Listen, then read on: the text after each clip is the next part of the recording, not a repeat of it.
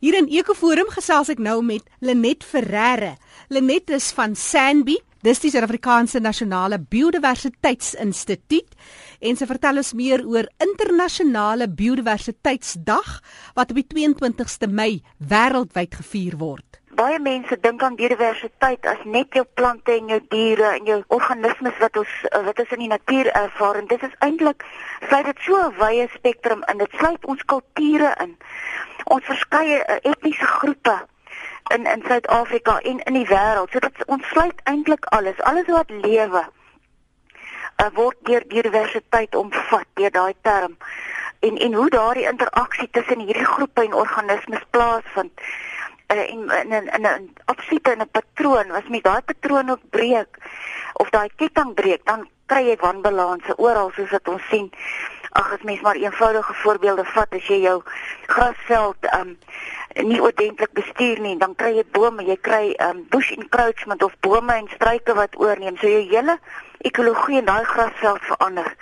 Jou hele diere saam samestelling insekte voëls alles verander omdat die omgewing verander en so is dit my dan glo ek maar met die kulture wat met saamwerk en die verskeie etniese groepe dis 'n geweldige wye term waarna ons kyk En in in die botaniese tuine of ons het nege nasionale botaniese tuine omvat ons daai hele aspek.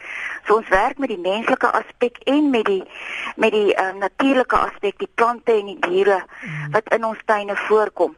Maar die tema van vanjaar, hulle net het julle ook gehak aan 'n baie belangrike tema wat hierdie jaar spesifiek op gefokus word, waterjaar. Ons het dit genoem, ons het baie verskillende aktiwiteite aangebied in in die verskillende tuine. Water of die behoud van water en die uh, hoe water bestuur moet word in die wêreld is eintlik gehak aan aan hierdie nasionale internasionale biodiversiteitsdag. Soos ehm um, byvoorbeeld as ek praat van in die in die tuine self die wat wat waarop hulle gefokus het, dis 'n absolute verskeidenheid van goed. Soos ehm um, in die Pretoria se tuin het ons byvoorbeeld 'n uh, die herbarium ons ons het mos die nasionale herbarium gebou hier op die kampus. Ja. Wat 'n absolute wonderlike fasiliteit is en min mense besef wat werklik hier aangaan. En die taksonomie wat hier gedoen word en die wetenskaplikes wat op op plante navorsing doen. Ons sit met met um plant um specimens in hierdie herbarium wat oor die 200 jaar oud is. Geperste plante in waarop um, wetenskaplikes navorsing doen en wat wat mense nou nog kan terug na verwys hmm. om om om plantfamilies te identifiseer. Daar was 'n uitgebreide uitstalling in die herbarium wat mense kon kom besoek wat hulle kan vir jou verduidelik hoe word die plante geïdentifiseer? Hoe word plante wat van buitekant af kom gesanitiseer voor dit in die herbarium inkom om te voorkom dat daar siektes versprei binne in eh, in die gebou? Hoe word dit gepers? Hoe word dit bewaar in die kaste en en wat die taksonome eintlik doen. Uh dit was 'n wonderlike uitstalling. So ons het mense uitgenooi om dit te kom kyk. Ons het ook baie van hierdie tradisionele heelers om te, om hulle wat hulle studente bring om te kom kyk hoe lyk die plante wat tradisioneel gebruik word in medisyne en vir die behandeling van verskeie siektes in deur baie groepe in Suid-Afrika. Lenet Ferreira is van Sanbi, die Suid-Afrikaanse Nasionale Biodiversiteitsinstituut. Ek het so rukkie teruggesels met een van die boesmans en hy vertel ons meer van hulle kultuur, hoe dat hulle interaksie met die natuur en hulle spiritualiteit deurkom. Dis Dolman Falboy. Eintlik die Khoisan stam, die Gamani. Nou oom is ook iemand wat vreeslik weet van die medisinale plante. Vertel my 'n bietjie van die plante van die Kalahari. Ja, uh, uh, plante van die Kalahari, dit is ons medisyne waarvan ons uh, so groot voorgroei grootjies vir ons altyd maar uitgedokter het. Ons was nie geweet van van hospitale, klinieke nie, want dit was ons groot mense se se se se werk gewees om vir ons uit die veld uit te dokter met uh, die kree soos koega, balals, walekie en en en, en groen amare is ook 'n bos en dan uh, uh, uh, kam kamaku wat is dit voor kamaku is so 'n aardappel onder die grond en waarvoor is hy goed hy is goed hy hy maak hy hy's eintlik ook iets wat wat wat wat ons gebruik teen teen suiker mm -hmm. teen suiker en uh, vir magkanker ensovoorts. Die twee stap saam. Uh en voor uh, laat ek dit so noem. Ons mense, groot mense, het die kerk toe geloop. Maar hulle se medisyne wat hulle gebruik het vir gesondheid was so was so uh, interessant want dit was gebruik met geloof. Dit was gebruik met geloof. Ek as ek estervark mag aftrek, kook en ek drink daai water, drink ek kom met 'n doel om gesond te raak. Mm, en jy glo dit. En ek glo dit. Niks kan gebeur sonder geloof. Jou geloof moet sterk wees. En dit werk by die geestelikheid ook maar net so. Uh, baie kere loop jy loop jy kerk, loop jy kerk maar daar sê daar sê 'n uh, uh, geloof waarin jy kan gesond raak. Tolman Falboy is van die Komani San. Dis een van die Boesman stamme in die Kalahari wat vertel het van die medisinale plante en hoe hulle dit gebruik in hulle kultuur. Deel van ons unieke biodiversiteit hier in Suid-Afrika. Dis net Ferreira met wie ek gesels oor biodiversiteit want op die 23ste Mei word internasionale biodiversiteitsdag wêreldwyd gevier. Lenet vertel ons oor die biodiversiteit van 'n plek soos KwaZulu-Natal, want dit is in die botaniese tuine waar al hierdie elemente saamgevat word.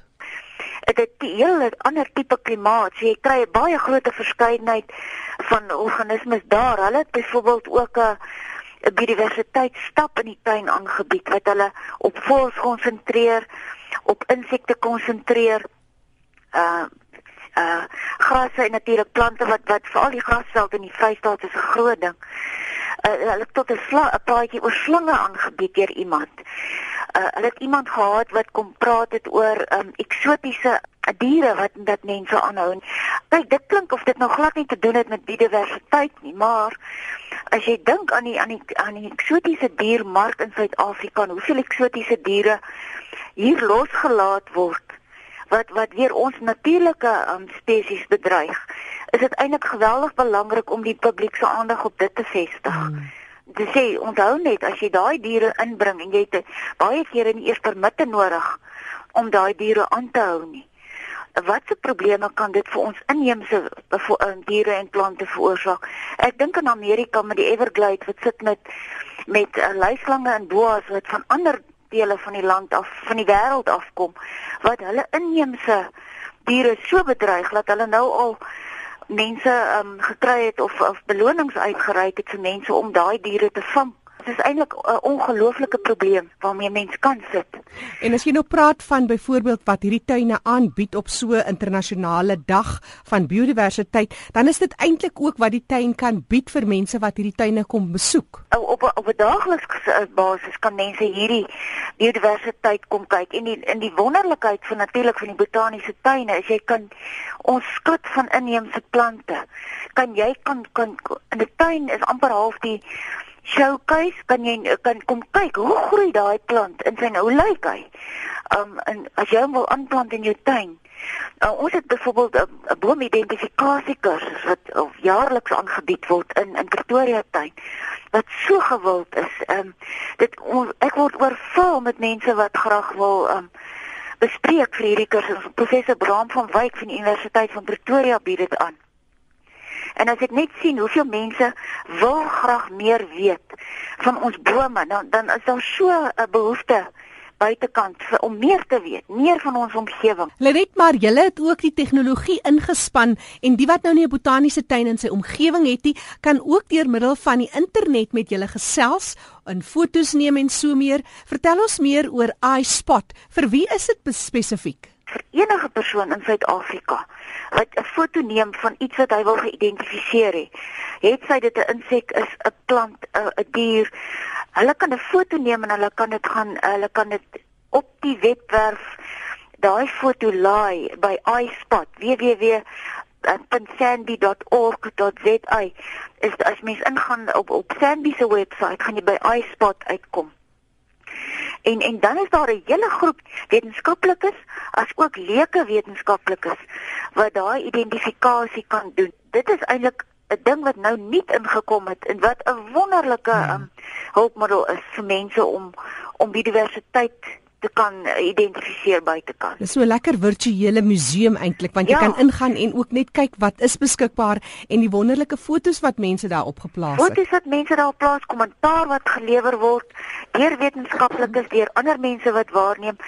Selfs van ons wetenskaplikes wat sien maar in die Handam area of in Nieuwoud wil area of sê maar op die Gifberg. Ek neem nou maar 'n paar voorbeelde wat daar navorsing doen op plante. Kry waardevolle inligting van enige persoon of persone wat in daai area miskien besoek of daar bly wat vir hulle inligting gee oor bedreigde plantspesies wat skielik weer ontdek word of sal ek sê ontdek word in hakkies na jare wat hulle gedink het die plant is uitgesterf. So hierdie is 'n wonderlike wonderlike webwerf wat baie mense kan hulle kan baie baat vind daarbye. Net Ferreira is van Sanby en sy vertel van internasionale biodiversiteit wat jaarliks op die 22ste Mei gevier word. Lenet baie kortliks vertel ons meer oor die Kaapse programme en die biodiversiteit, die tentoonstelling daar, wat is aan die gang? Jackie, ehm um, die Kaap het 'n program op sy eie gehad. Hulle het byvoorbeeld ook 'n stap gehad, 'n biodiversiteitsstap waar mense kon ehm um, dit is amper soos 'n skattejag in 'n in 'n spesifieke deel van die tuin met behulp van van inligting en storieborde en om mense te help om om, om te onderskei tussen spesifieke goed plante wat in die tuin voorkom. Want daar die die fynbos is nie maklike ding om om te behartig as jy nie met dit werk elke dag. Daar hulle is besig om 'n boomroete ook daar te ontwikkel in in um, Kirstenbos dit sal wel dra volgende jaar met die biodiversiteitsdag behoort daai roete heeltemal gevestig te wees daar in Kirstenbos is ons 'n verskeidenheid bome en daar's ook 'n tipe van 'n skywalk wat hulle dit noem. Hulle noem dit uh die ehm um, die die groen mamba.